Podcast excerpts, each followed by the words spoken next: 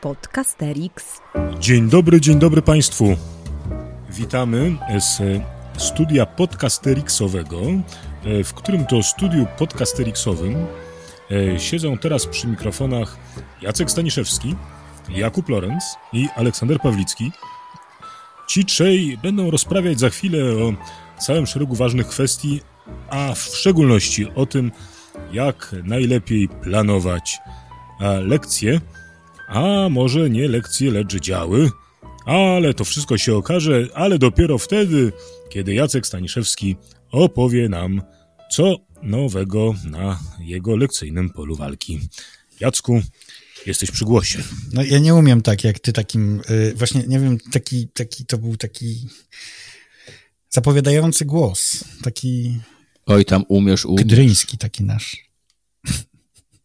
No nic, ale jako, jak będziemy rozmawiali o działach, yy, więc pomyślałem sobie i tutaj kolega też powiedział nomen omen o działach, że, że front i że walka, no to yy, faktycznie yy, chciałem wam powiedzieć, że ja ostatnio zupełnie y, niespodziewanie wymyśliłem sobie dział w locie, to znaczy to jest coś, czego, czego pewnie nie powinniśmy robić, czyli nie powinniśmy y, sobie tak lekceważyć układania pewnych rzeczy, no ale ja sobie jakoś mi się to tak ułożyło, że coś, co było tylko ciekawostką na początku, ułożyło mi pięknie całą lekcję. I te lekcje były na temat, szybciutko to powiem, na temat wojen XVII-wiecznych i to było liceum i y, zanim to w ogóle zaczęliśmy robić, to opowiedziałem im taką moją ulubioną historię o tym, że co robi historyk i że gdzieś tam w głębinach morza, które symbolizowały dzieje, których nie znamy, a tak naprawdę odkrywamy z tych dziejów jakieś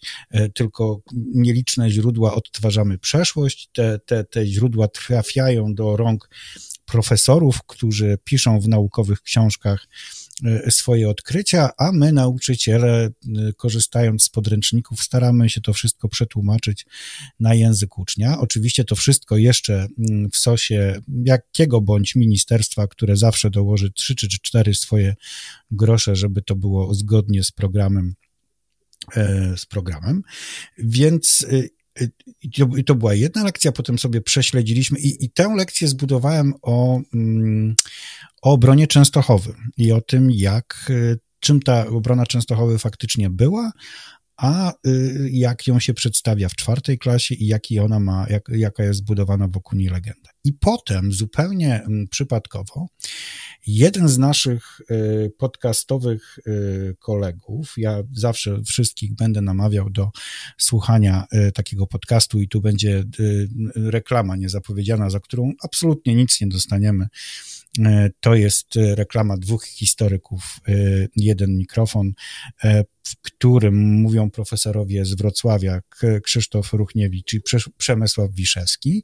I jeden z tych profesorów, pan Krzysztof Ruchniewicz, opowiedział na swoim blogu o tym, jak to był pod kartuzami i tam napisał taki krótki tekścik w tym blogu, który mówił o tym, że co prawda on jest profesorem, ale w pewnych momentach nie może odrzucić od siebie takiego, mm, takiego osobistego stosunku do wydarzeń, do których opisuje, i gdzieś ta, ta, ten profesjonalizm walczy z jego z jego emocjami. No to po prostu jak znalazł na następną lekcję dotyczącą e, Chmielnickiego e, i przeczytaliśmy to sobie i muszę wam powiedzieć, że na, na trzeciej lekcji, ja to gdzieś to muszę gdzieś opisać, bo to je za szybko mówię i może to nie wygląda tak świetnie jak było, dodałem jeszcze e, ten film o kropkach. Wiecie, znacie to łączenie kropek i, i że, i że ten, te, te, te wydarzenia to są kropki, a wiele my tych nie, nie wiemy, co się tymi między kropkami dzieje i to mi naprawdę wyszło świetnie i y, cały czas mówiłem o dwóch historiach naraz, to znaczy o odkrywaniu historii i o tym, co się faktycznie działo. Byłem z tego strasznie, strasznie dumny, tylko czuję, że to zrobiłem zbyt y, mm, w nieprzemyślany sposób, bo to się działo y, wtedy, kiedy się działo, czyli bez właśnie takiego przemyślenia, o którym my właśnie dzisiaj, mam nadzieję, będziemy mówić, i czuję, że w przyszłym roku to jeszcze będzie lepsze. Także słuchajcie podcastu dwóch profesorów y, i y, prowadźcie lekcje nie tylko o tym, o historii, ale o tym, jak ta historia, którą właśnie uczycie, została zrobiona. Podcasterix. No, piękne. Nic dodać, nic ująć chyba. No, ujmij trochę, ujmij. No to mogę tylko ująć tyle, że nie zaplanowałeś tego Właśnie, a właśnie, właśnie to jest. Dlatego dzisiaj rozmawiając z wami, a wiem, że często ze studentami rozmawiacie właśnie o budowie działu i, i ci biedni studenci tam budują te swoje działy, żeby nie powiedzieć działa, y, no to właśnie dzisiaj może być sympatyczne. Albo ścianki działowe, żeby nie powiedzieć. To, to są przerwy między lekcjami. To się rozpędzają, no. Rozpędzają się, teraz będą grać słówkami, a lada moment półsłówkami i wtedy już to mogą być jakieś rzeczy naprawdę wprawiające w konfuzję. E, e, Rzeczywiście rozmawiamy o planowaniu e, działu, bo mm, stoi za tym takie przekonanie, że od czasu do czasu jest e, pewnie dobre miejsce na taką improwizację, e, czy też częściową improwizację, o której nam opowiadałeś. I to jest w ogóle pewien ciekawy koncept, taka lekcja, o której nieraz mówimy, że ona tak się organicznie rozwija, to znaczy trochę jak roślina maszeruje gdzieś w jakieś e, niezaplanowane przez nas kierunki. Ale co do zasady, pewnie lepiej jest planować i to, nad czym z studentami się pochylamy i to, co też chyba próbujemy robić sami, to jest e, planowanie e, po pierwsze e, inne niż tylko o jedną czy dwie lekcje do przodu, a po drugie planowanie inne trochę niż to, które by wynikało z planu, który dostajemy gotowy, a bardzo często takim gotowym planem jest podręcznik. Innymi słowy, mam takie wrażenie, że często dzieje się tak, jak ja przecież sam długo, długo robiłem, że mianowicie idę, idę w pewnym rytmie wyznaczanym przez kolejne e, rozdziały w podręczniku, które niby składają się na jakieś większe całostki, e, też ustalone przez autorów podręcznika i w gruncie rzeczy planuję sobie, no właśnie, lekcje do przodu. A tymczasem to, do czego namawiamy samych siebie i naszych studentów, e, i nad czym pracujemy sami i ze studentami i studentkami, to jest pomysł na to, aby zaplanować najpierw cały dział, innymi słowy, pomyśleć, co najważniejszego nasi uczniowie będą wiedzieli i potrafili po siedmiu, ośmiu czy może dziewięciu lekcjach. I co bardzo ważne, nie tylko wyobrazić sobie, co będą umieli po tych ośmiu lekcjach, ale też jak będziemy e, to oceniali, bo to jest chyba też nie bez znaczenia w tym Mhm. planowaniu. E, Innymi słowy, po czym poznamy na bieżąco w trakcie lekcji, ale też na koniec, po czym poznamy, że te najważniejsze rzeczy, które żeśmy sobie wypisali, e, nasi uczniowie będą potrafili, a dopiero potem, żeby do tego dopasowywać lekcje. E, I jak się wydaje, ten model takiego trochę odwróconego planowania, to znaczy po pierwsze dużej całostki, a po drugie z pytaniem zasadniczym, jak będę oceniał i co będę oceniał, a potem z takim uczeniem pod egzamin wewnętrzny, jeżeli można powiedzieć w ten sposób, to jest pomysł, który wydaje nam się na rozmaite sposoby zbawienny. Tak, choć trzeba też powiedzieć, że nie jest to łatwe e, w realizacji, szczególnie dla e, kogoś, kto się pierwszy raz spotyka z takim podejściem. No bo jednak wszelkie doświadczenia szkolne, zarówno e, związane z aktywnościami nauczycielskimi, jak i, do, jak i doświadczeniami mm, uczniowskimi utrudniają takie spojrzenie. E, No, mm, cóż, Oleg bardzo skrótowo e, i jednocześnie wyczerpująco opisał główne założenia e, UBD, czyli odwróconego projektu. No dobra, to, ja- to ja się tutaj wtrącę. Poczekaj, bo, bo, bo ja już czuję, że jako tak zwany tradycyjny nauczyciel powiem, co wy mi tutaj mówicie. Przecież na działy zawsze dzieliłem. Najpierw była starożytność, potem średniowiecze, jeżeli dobrze pamiętam, potem to wczesne średniowiecze, potem piersi piastowie, a potem rozbicie dzielnicowe i takie rzeczy się zaliczało i jakby no, dzielenie na działy było zawsze. No, ale zazwyczaj jednak nie myślało się o tym pod kątem tego, co będzie na sprawdzianie, tylko sprawdzian dostosowywało się do tego, co się przerobiło na lekcji. To teraz właśnie A w tutaj- ten sposób trochę cię namawiam zmiana- do tego, żebyś powiedział, na czym polega zmiana. No, tak, no więc ta, ta zmiana właśnie polegać ma na tym, że e, najpierw e, wiedząc, czego chcemy e, nauczyć uczniów, jakich wiadomości, jakich umiejętności, jakie treści będziemy z nimi przerabiać, zaczynamy od tego, żeby zaplanować, w jaki sposób najlepiej sprawdzić to, czy oni opanowali te elementy, które były dla nas ważne. I zaczynamy od zaplanowania zadania podsumowującego. To oczywiście nie musi być koniecznie sprawdzian. To mogą być także inne formy, formy wystawienia oceny podsumowującej dział. E, no i dopiero do tego dobieramy kolejność e, poszczególnych lekcji. Być może modyfikujemy te mm, tematy, które żeśmy tradycyjnie omawiali w ramach tej starożytności, tak żeby każda lekcja odpowiadała głównemu, e, głównemu naszemu celowi działu i prowadziła uczniów, dając im szansę na to, żeby no żeby jak, naj, w jak najlepszym stopniu zrealizowali to, co zaplanowaliśmy jako, jako zadanie zaliczeniowe. No, może ja się posłużę przykładem to może będzie mm, wygodniejsze. E, jeśli na przykład wiem, e, że e, chcę poświęcić. O, właśnie, mówiłeś dzisiaj o tych wojnach XVII-wiecznych. No to ja mam inny dział z wojen XVII wieku, który to dział kończy się pracą podsumowującą, w której uczniowie piszą esej. No i skoro ja wiem, że są to uczniowie, którzy piszą esej, to nie tylko planuję sobie kolejne lekcje pod kątem tego, jakie elementy związane z wojnami Rzeczpospolitej w XVII wieku się tam pojawią. Ale ty wiesz, jaki będzie temat tego eseju? Tak. A oni wiedzą? No właśnie na tym to polega. No, no tak.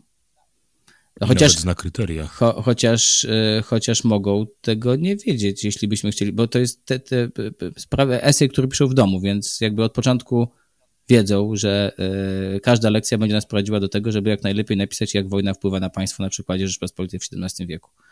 I y, wobec tego na, y, na, każdej lekcji pojawia się jakaś forma, próba odpowiedzi na to pytanie. Na każdej lekcji z działu. Ale żeby tego było mało, bo to, to jest jeszcze do tego momentu, to wydaje mi się to dość tradycyjne podejście. To znaczy ono tylko daje pewne ramy no, tradycyjnym kolejnym potencjalnie lekcjom odnośnie wojen ze Szwecją, wojen z Turcją i tak dalej, i tak dalej. Natomiast to, o co tak naprawdę chodzi w odwróconym projekcie, pojawia się wtedy, kiedy ja wiem, jakiego typu esej chcę, żeby ci uczniowie napisali. I każda lekcja, oprócz tego, że zawiera w sobie e, jakiś kawałek e, e, merytoryczny dotyczący wojen XVII-wiecznych, zawiera też w sobie kolejną wskazu, czy dokłada kolejną cegiełkę do tego, żeby ten esej jak najlepiej napisać. Czyli na przykład ćwiczymy budowanie argumentów. Mhm tak? Albo ćwiczymy sposób wykorzystania materiałów źródłowych do tego, żeby udowodnić jakąś tezę. Czyli ćwiczymy te rzeczy, które później będą oceniane na tym eseju. Olek coś powiedział o tak, jakichś no Gdybym nie wiedział, jak ten esej na koniec będzie, no, no to mniej więcej to właśnie jakby robimy to, co będzie w kryteriach, tak? Jeśli, jeśli e, e, esej, a ten esej, o którym mówię, e, właśnie zakłada na przykład to, że uczniowie dokonają refutacji argumentu, no to ćwiczymy to po prostu na lekcjach. I teraz bez świadomości tego, co ja będę dokładnie oceniał w pracy zaliczeniowej, co będę oceniał w tym eseju, no to mm, przygotowanie uczniów do zrobienia takiej pracy końcowej byłoby właściwie niemożliwe. A dzięki temu, że wiem, co sprawdzam i wiem, co oceniam i co więcej uczniowie wiedzą, co będzie sprawdzane, sprawdzane i co będzie oceniane, no to każdą lekcję możemy podporządkować temu, żeby, e, no, żeby uczniów jak najlepiej do tego przygotować. To ma szereg zalet, spośród których powiem e, w tym momencie tylko jednej, to znaczy to daje wielki spokój i nam, i uczniom. Podcasterix. Znaczy i my wiemy, do czego idziemy i uczniowie wiedzą, do czego ich prowadzimy. I zwróć uwagę na to, e, o czym Kuba mówił, to znaczy e, są dwie rzeczy, do których tak naprawdę w tym dziale ich przygotowuje. To znaczy e, z jednej strony ćwiczy z nimi umiejętność argumentacji przez tych 7 czy 8 lekcji, nie wiem ile, a po drugie koncentruje się na zasadniczej kwestii, to znaczy na tym, żeby pokazać uczniom, jak wojna oddziaływuje na państwo, na społeczeństwo, albo jeszcze lepiej, jak wojna oddziaływuje z państwem, ze społeczeństwem, z życiem gospodarczym. I jeżeli to jest leitmotiv całego tego działu, to rozmaite rzeczy, które mogą się na poszczególnych lekcjach e, pojawiać, e, pojawiają się tam z tej racji, że dobrze służą tej zasadniczej, wiodącej idei tego działu. Jeżeli tej idei nie ma, e, tylko maszerujemy sobie z lekcji na lekcję, to rośnie skokowo prawdopodobieństwo, że z lekcji na lekcję będziemy zasypywali dzieci chaotyczną masą nic nieznaczących informacji. To znaczy, będziemy im opowiadali o ruchach wojsk, albo będziemy im opowiadali e, o nazwiskach hetmanów, albo o datach kolejnych bitew, i tak dalej, i tak dalej, i tak dalej. Pojawi się mnóstwo chaotycznych informacji, które w istocie rzeczy niczemu nie posłużą. Każda z tych informacji może być przydatna ale o tyle tylko, ile będzie służyła, jak rozumiem, Kuba, do tego, co jest kluczowe. To znaczy, chciałbyś, żeby wszyscy uczniowie, jak jeden mąż, e, wyszli e, z tego działu umiejąc opowiedzieć o tym, czym jest wojna dla państwa. I pewnie przebolałbyś, jeżeli ktoś nie pamiętałby dokładnie, jak przebiegała bitwa pod Cecorą. Tak, i chcę powiedzieć też, że to ma jeszcze jedną zaletę, to znaczy w moim odczuciu jest to duża zaleta, taką mianowicie, że czasem zdarza nam się wpaść na dobrą strukturę dla działu, tak tradycyjnie rozumianego jak historia starożytna. Tak, no na przykład, nie wiem, skupiamy się na osiągnięciach cywilizacji starożytnej i na każdej lekcji to się pojawia jako leitmotiv. Mhm. Tak, ale kończymy zupełnie tradycyjnym sprawdzianem. Więc tak naprawdę wszystkie te rzeczy, które robimy w trakcie nawet fajnie zramowanego działu, nie konsumują się w żaden sposób w postaci oceny ucznia, bo on i tak prędzej czy później wie, że dojdzie do zwykłej, tradycyjnej kartkówki, gdzie będzie trzeba wypisać nie wiem, treść prawa 12 tablic na przykład. A jeżeli planujemy od końca, o właśnie Jacek zrobił wielkie oczy, e, no to dobrze, streścić e, treść wielkiej retry na przykład. No, a jeżeli wiemy, jeszcze większe oczy. Jeszcze większe. E, natomiast jeżeli wiemy, że i uczniowie wiedzą, że te nasze ramowania w ramach działu, takie rzeczy, które sprawiają, że on jest bardziej atrakcyjny intelektualnie, składają się na ocenę końcową, no to dużo lepiej jest im się zaangażować w, taki, w, w taką przygodę. To raz, ale też to, co jest super fajne, to to, że po prostu wtedy, wiecie, jesteśmy naprawdę projektantami. To znaczy, e, nie gośćmi, którzy, wiecie, dostają w postaci podręcznika po prostu szafkę z Ikei, którą po prostu według instrukcji się buduje i na końcu wychodzi szafka z Ikei, która jest taka sama dla każdej klasy w całej Polsce i to jest nudne, e, tylko jesteśmy prawdziwymi hakerami mebli z Ikei. Dostajemy w podręczniku materiał na szafkę, a robimy kanapę. Albo biurko. To jest mhm. ekstra. Tak, tak. I to, to jest, jest, ekstra, kiedy nagle widzisz, że zamiast nudnej szafki Brukswick otrzymujesz e, kanapę Wojna, a społeczeństwo. E, do widzenia się z Państwem. Do usłyszenia. Do widzenia. To był Podcasterix. Wysłuchali Państwo kolejnego odcinka podcastu Trzech Nauczycieli Historii, którzy lubią sobie pogadać o swojej pracy bo ją po prostu uwielbiają. Tych trzech jegomości to Kuba z charakterystycznym R, Olek z charakterystycznym głosem i Jacek, który czuwał nad nagraniem i montażem. Podcast przygotowano dzięki wsparciu Szkoły Edukacji Polsko-Amerykańskiej Fundacji Wolności i Uniwersytetu Warszawskiego, w której cała trójka pracuje.